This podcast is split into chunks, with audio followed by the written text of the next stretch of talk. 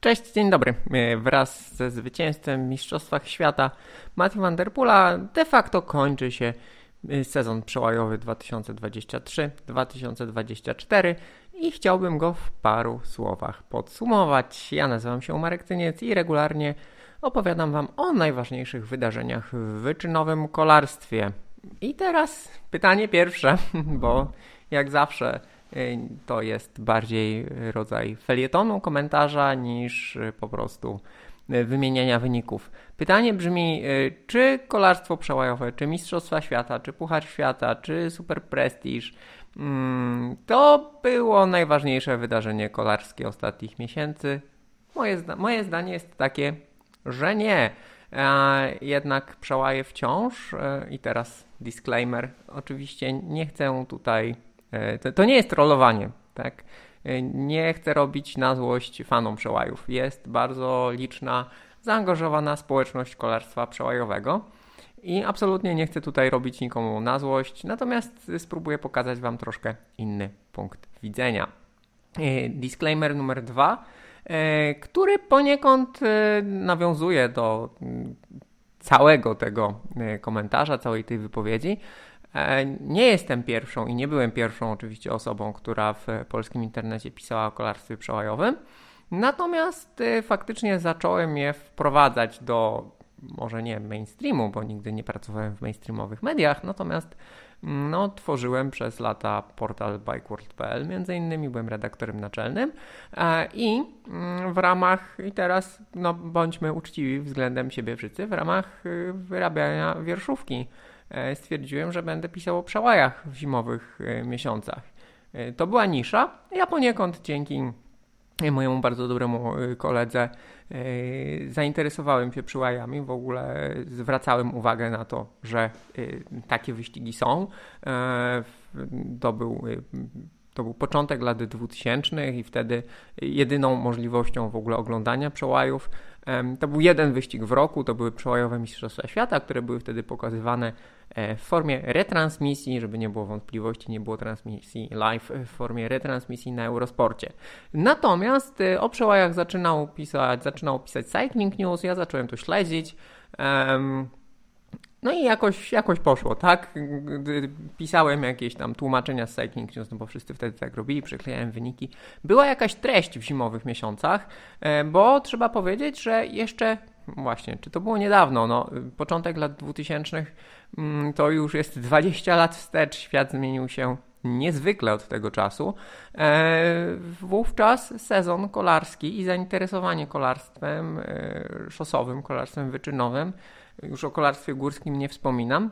E, de facto to wszystko zaczynało się od e, Paryż-Nicea i Paryż-Nicea był pierwszym wyścigiem, który był w sezonie, który był transmitowany w Eurosporcie. To obecnie wydaje się e, niebywałe, a pojawiające się wtedy wyścigi w ciepłych krajach, najpierw w Australii, Tour Down Under, potem na Półwyspie Arabskim, wydawały się być jakąś zupełnie egzotyczną y, ciekawostką. No i właśnie kiedy znów Cycling News zaczynało je relacjonować, to się sprowadzało głównie do tego, że fajnie oglądało się, kiedy tutaj wszyscy siedzieliśmy i martwiliśmy, bo uwaga, znowu, no mówię jak dziad, ale to jest poniekąd potrzebne.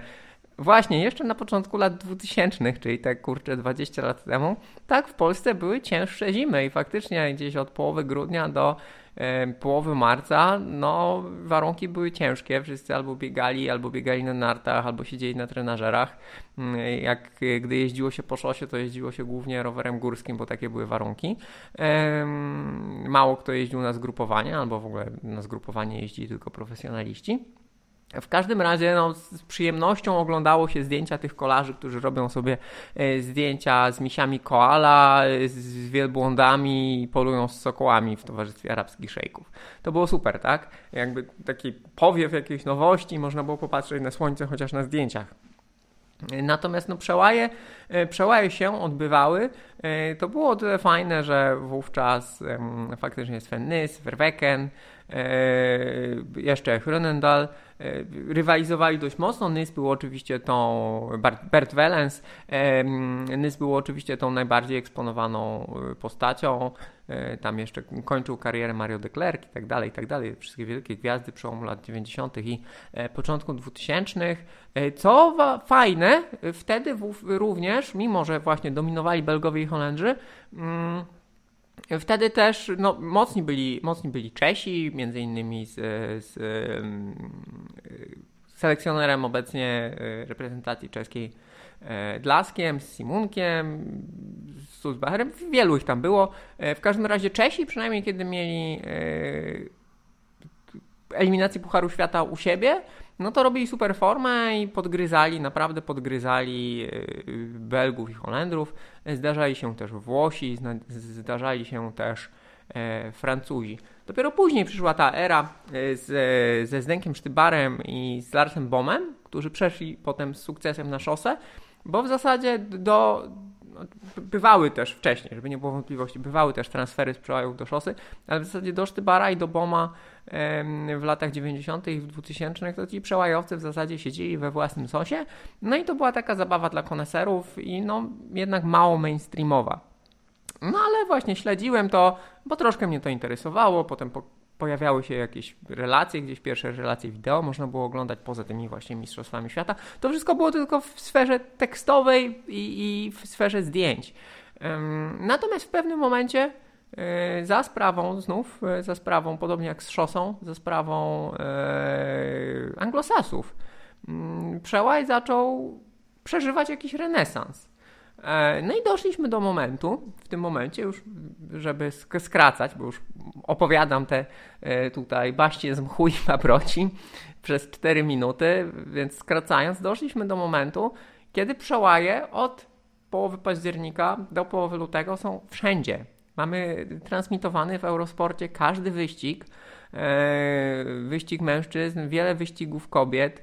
Mamy nie tylko Mistrzostwa Świata i Puchar Świata, transmitowany co do zasady, że jest super prestiż, e, transmitowane jest też Obecnie to się nazywa X2 Trophy, wcześniej GVA.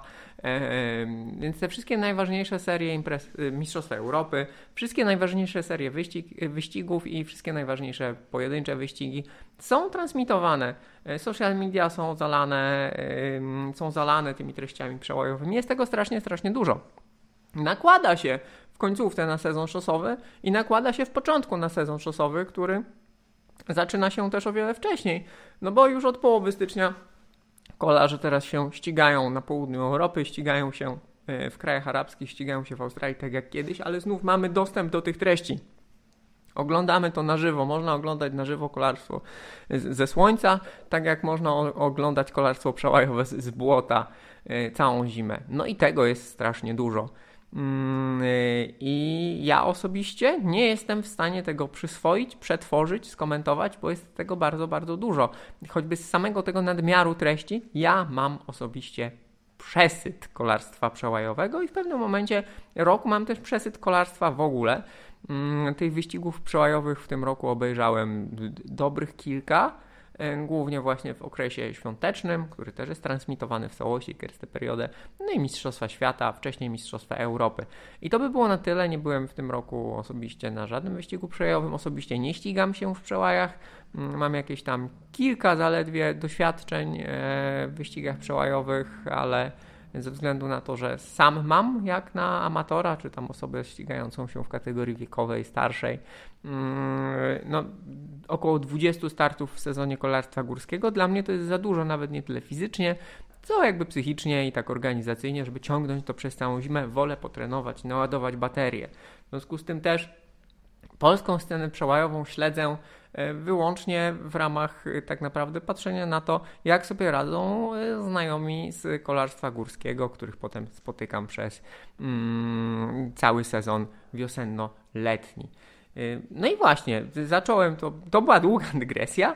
Zacząłem od tego, że uważam, że kolarstwo przełajowe tej zimy, jak i każdej poprzedniej, to nie było najważniejsze wydarzenie zimy, jeśli chodzi o kolarstwo, między innymi ze względu na to, że królowa, królowa jest jedna, czyli szosa, kończy się późno, zaczyna się wcześniej e, i dostarcza nam bardzo wielu treści. W tym roku dostarczała nam bardzo wielu treści związanych ze zmianami sponsorów, o tym mówiłem w poprzednim materiale e, z transferami. E, to były takie duże, doniosłe wydarzenia, wiele się pozmieniało. Krajobraz szosowy no, jest zupełnie inny w 24 niż był w 23 roku i tak naprawdę osoba zainteresowana kolarstwem nawet w jakiś tam ponadnormatywny sposób no, miała tych treści stricte płynących z szosy już na tyle dużo, że aby to wszystko y, przyswoić, przetrawić, przetrawić, przemyśleć i jeszcze na przykład chcieć się gdzieś na ten temat w jakiś sposób wypowiedzieć, to wyczerpuje temat. A tymczasem kolarstwo przełajowe niestety w tym roku z wielu powodów nie dostarczyło. Nie dostarczyło zbyt wielu emocji.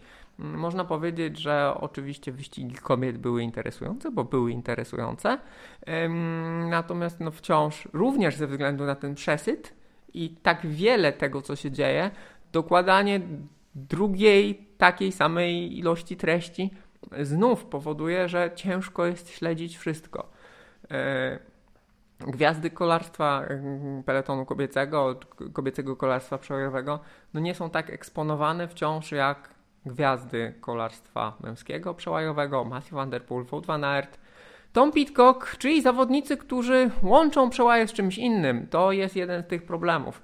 I to jest jeden z problemów y, i z powodów, dla których kolarstwo przełajowe tej zimy nie było najważniejszym wydarzeniem w kolarstwie, bo kolarze przełajowi jako tacy którzy ścigają się tylko w przełajach, no nie obronili się, nie obronili się e, przed zwierzęcą siłą Matthew Van Der Poola.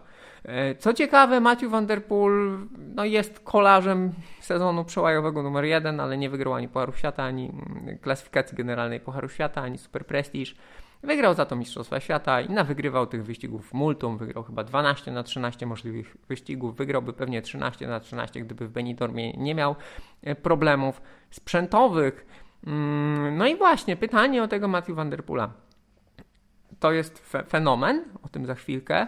E, natomiast przewaga, jaką ma nad całą resztą stawki w przełajach, e, powoduje, że źle się to ogląda znaczy Van Der Poel po prostu rozbija w pył swoją konkurencję, tak jak byłby zawodnikiem elity, który się ściga z juniorami albo z juniorami młodszymi.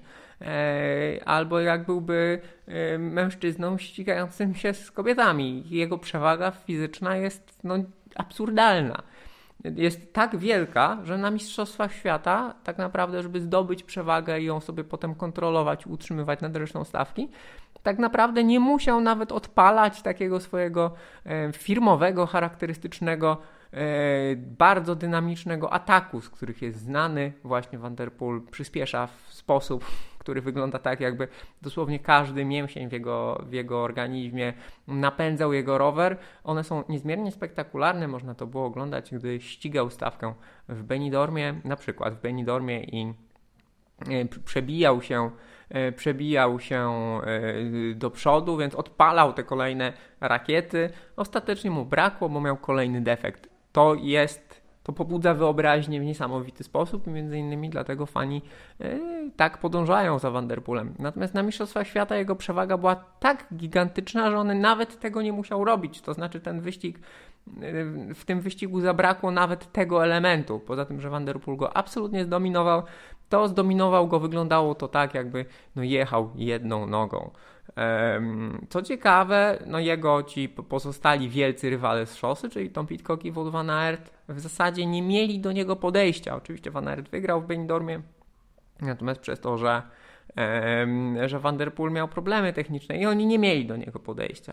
I teraz jest pytanie, czy oni nie mieli do niego podejścia, bo Van Der Poel po prostu jest tak, tak bardzo, jakby tak silny i ma tak wielką przewagę fizyczną, czy jednak inaczej rozkładają akcenty w sezonie. Jeśli z kolei inaczej rozkładają akcenty w sezonie i te przełaje są dla nich tym, czym w przeszłości bywały przełaje dla kolarzy szosowych, czyli tylko elementem treningu e, zimowego, no to też nie świadczy za dobrze o przełajowcach, bo owszem, no, Van Aert i, i Pitcock no, nie, nie demolowali stawki tak jak Van Der Poel, ale jednak w zasadzie, kiedy pojawiali się na wyścigach przełajowych, no to, to robili robotę, mieli o tyle utrudnioną sytuację, że startowali często z dalszych pozycji, co im nieco, co im nieco przeszkadzało. Vanderpoolowi, to nie przeszkadzało tak naprawdę, no ale zarówno Pitcock, jak i, jak i Van Aert zaliczyli, e, zaliczyli zwycięstwa w eliminacjach Pucharu Świata, tak samo jak jakby no, obaj we dwójkę. Pitcock ma jedno, e, Van Aert ma jedno, natomiast Eli Iserbyt, zwycięzca klasyfikacji generalnej ma dwa, czyli jakby tyle co, co, co oni. Więc Eli, Iserbyt tak naprawdę no, wyjeździł, e, poniekąd wyjeździł tą klasyfikację generalną, bo właśnie Van Der Poel no, nie gromadził punktów we wszystkich, we wszystkich E, we wszystkich eliminacjach. No jak przychodziło co do czego, no to i Serbyt nie miał podejścia do tych, do tych zawodników. To jest przykre, no i to źle troszkę świadczy o, o przełajach, mimo że to są atleci, to są zawodnicy, którzy są super mocni, super dynamiczni i tak dalej, no ale mm, te gigantyczne talenty multidyscyplinarne czy też szosowe, mm, kiedy przyjeżdżają, no to robią co chcą. E, no i w, trudno przez to traktować te przełaje jako właśnie jako bardzo ważne wydarzenie. To jest jakiś tam rodzaj e, zimowej rozrywki dla fanów kolarstwa. E, no i ze względu na te czynniki, o których mówiłem, ta rozrywka w tym roku tak naprawdę była kiepska. Była kiepska, była średnia. E, myślę, że widać to i do, doświadczają tego zawodnicy zaangażowani w kolarstwo przełajowe. Mówi się coraz więcej o dużym rozwarstwieniu mm, płac, dużym rozwarstwieniu nagród, dużym rozwarstwieniu e, opłat, znaczy benefitów startowych, które zawodnicy dostają od, e, od organizatorów wyścigów. No, że wszystko skupia się na tych, na tych największych gwiazdach i w zasadzie ten tam piąty czy szósty Belk lub Holender w kolejności, no już nie ma, nie ma wcale tak dobrze, bo jest, nie wiem, tam 12-15 zawodnikiem w klasyfikacji generalnej Pucharu Świata, no i to już nie, nie jest takie intratne. A trzeba powiedzieć, że kolarstwo przełajowe no, od lat było taką bardzo mocno skomercjalizowaną e, wersją kolarstwa i no, związaną właśnie z, z bookmacherką, związaną z opłatami, z, z opłatami ze startowym płaconym przez organizatorów, mm, z jakimiś tam dodatkowymi premiami od sponsorów. No a kiedy to wszystko idzie właśnie na Vanderpoola, na Van Aerta, no to reszta, reszta nie ma się czym dzielić, więc y, może być tak, że ta eksplozja y, formy tych y, zawodników multidyscyplinarnych koniec końców doprowadzi do regresu konkurencji, z której oni się wywodzą. Mm, z, innego punktu widzenia, no te przełaje są w tym momencie napędzane też trochę oddolnie, trochę właśnie tak środowiskowo, no bo są modne E, są modne, są modne w krajach anglosaskich. Tak naprawdę duży revival mamy w Polsce. A oczywiście można mówić o braku zaangażowania Polskiego Związku Kolarskiego. Tutaj w tych kwestiach e, polecam śledzić dokonania Pawła Kuflikowskiego z MTBX.pl, e, który opisuje sytuację w polskim kolarstwie terenowym, nazwijmy to szeroko pojętym, w tym w przełajach, jest pasjonatem przełajów i jest też jednym z animatorów sceny przełajowej, jego warszawskie wyścigi otwarte, y, czy też y, otwarte treningi ponieważ pamiętajcie, jeżeli coś nie jest zgłoszone do kalendarza Polskiego Związku Kolarskiego lub nie ma pieczątki na swoim regulaminie z regularnego, e, z Regionalnego Związku Kolarskiego, no to jest tylko y, rajdem rowerowym, piknikiem rowerowym już lub spotkaniem towarzyskim, no ale ścigają się u Pawła na Syrence, ścigają się często dobrzy zawodnicy, przyjeżdżają tam na dobry trening, sprawdzić nogę przed, przed ważnymi wyścigami, przed Pucharami Polski e, i takich ustaw stawek jak Pawła. Pawła są jakby naj, największe i najważniejsze, ale takich wydarzeń jak Syrenka jest w Polsce trochę. Świadczy o tym frekwencja na zawodach, która y, często przekracza albo nawet dwukrotnie czasami przekracza frekwencję na zawodach MTB. E, w sensie w cross country można mówić o tym, że tutaj łączą, łączy się kilka światów, przełaj MTB i szosa i przez to tych zawodników jest więcej, ale pamiętajmy, że jednak obecnie starty w przełajach to nie jest tylko kwestia przywiezienia ze sobą zimowego roweru, ale faktycznie przynajmniej kół na zmianę, przynajmniej często drugiego roweru, dalekie podróże, bo te wyścigi są rozrzucone po całej Polsce, E, więc to nie jest takie łatwe, a tych entuzjastów przełaju oddolnych, amatorów, e, mastersów e, jest sporo. Jest sporo w, w miastach. To też zmienia krajobraz polskich przełajów, które tradycyjnie wiązały się z małymi miejscowościami, z LZS-ami, czyli z ludowymi zespołami sportowymi, z klubami gminnymi. No a tutaj na, drugiej, na, na drugim biegunie mamy tę taką około, około miejską okołomiejską inicjatywę zgromadzoną właśnie wokół dużych aglomeracji i społeczności kolarskich, które e, tam się organizują no i bawią się, bawią się w przełaj. Więc przykład Polski oczywiście no, jest tutaj bliski, łatwo to obserwować, ale właśnie za, za sprawą dużej ilości kontentu, tego revivalu ogólnie po, pojętego e, rewitalizacji mm, związanej z popularnością przełajów e, w krajach anglosaskich, tej mody na przełaj, no to coś się dzieje, więc ludzie są zainteresowani przełajami. Fajnie się w tym uczestniczy, jak ktoś lubi. Fajnie jest też pojechać na zawody, pokibicować. No w Polsce ta kultura się dopiero tworzy, czy też odtwarza, ale właśnie przełaje są związane z jakąś tam imprezą i mają aspekt y, społeczny. Mm, natomiast z punktu widzenia rozrywki sportowej przed telewizorem, no to w tym, w tym roku, w mojej ocenie, przełaj nie dostarczyły. Powiedziałem też o kilkukrotnie, du duża część tego materiału tak naprawdę dotyczy e, wielkiej przewagi fizycznej, jaką ma, jaką ma Matthew Van Der Poel. No i są dwa pytania. E, no, poprzedni rok dał troszkę odpowiedź na nie, to znaczy dominacja w sezonie przełajowym mm, nie przełożyła się na spadek formy w sezonie letnim, w sezonie szosowym, to znaczy wygrał dwa monumenty, wygrał Mistrzostwa Świata, Sezon znakomity, chociaż nie obfitujący w liczne zwycięstwa, natomiast obfitujący w, w zwycięstwa najważniejsze, e, plus pomoc e, plus e, pomoc sprinterowi w walce o zieloną koszulkę na Tour de France. W tym roku Vanderpool ma w planach, nie wiadomo dlaczego, walkę o koszulkę w, ponowną, bo Tokio zakończyło się memiczną wpadką i upadkiem z, z, z dropa. Mm, natomiast no, ma w planach y, walkę o medal w y, kolarstwie górskim w Paryżu. Mm, natomiast no, jego kampania wiosennych klasyków ma wyglądać raczej podobnie jak w latach poprzednich, e, czyli głównie pewnie będzie się skupiał na monumentach Mediolan Sanremo, Bruki. E, oprócz tego w Tour de France planuje pojechać tylko pierwszy tydzień. No a potem po, yy, po mistrzostwach, po Igrzyskach Olimpijskich w MTB być może e, spojrzy na Vueltę, żeby wygrać etap i skompletować zwycięstwa etapowe we wszystkich wielkich turach. No i teraz jest yy, na szosie ta jego przewaga fizyczna nie jest aż tak wielka, ale kiedy jest w formie, kiedy faktycznie celuje w te najważniejsze imprezy, te jego turboatomowe ataki faktycznie są również trudne do wsparcia. No i należy zadawać pytania. Ja uważam, że zawsze takie pytania należy zadawać. Należy zadawać pytania o przyczyny tej tak wielkiej przewagi fizycznej nad rywalami, których ma przecież bardzo zacnych. No, realnie rzecz ujmując, Van Aert nie ma podejścia do Vanderpoola, ale Van Aert inaczej prowadzi sezon. I Van Aert jednak yy, wydaje się, bo do tej pory Vanderpool wydawał się zawodnikiem, który nie priorytetyzuje odpowiednio swoich celów. Wydaje się, że sezon 2023 to odmienił. E, no i e, Van Aert na tle Vanderpoola wygląda na zawodnika, który tych, te priorytety ma ustawione inaczej, albo no, nie skupia się tak bardzo tylko na kilku celach jak Vanderpool. To brzmi troszkę dziwnie.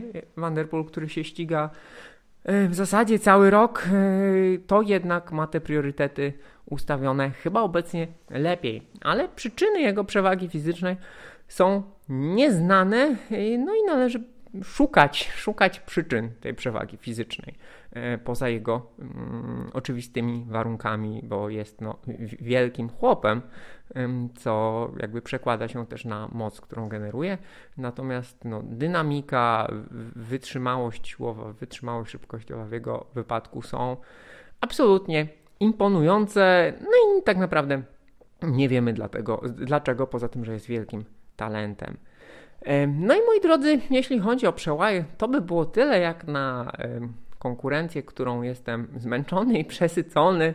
Mówiłem dość długo, natomiast chciałem poniekąd w miarę kompleksowo do tego tematu tegorocznych przełajów podejść i go zamknąć. Cześć! Idźcie sobie. Mam nadzieję, że przyszły rok, przyszły sezon przełajowy będzie ciekawszy, będzie bardziej wyrównany, że gwiazdy przełajowe młode, stare, czyli Iserbyt, Van der Haar, Ronan, e, Ronar, młody Nys, czyli Thibaut Nys e, będą w stanie nawiązać rywalizację, chociaż czasami z tymi wpadającymi okazjonalnie na przełaje gwiazdami z szosy. To by było na tyle.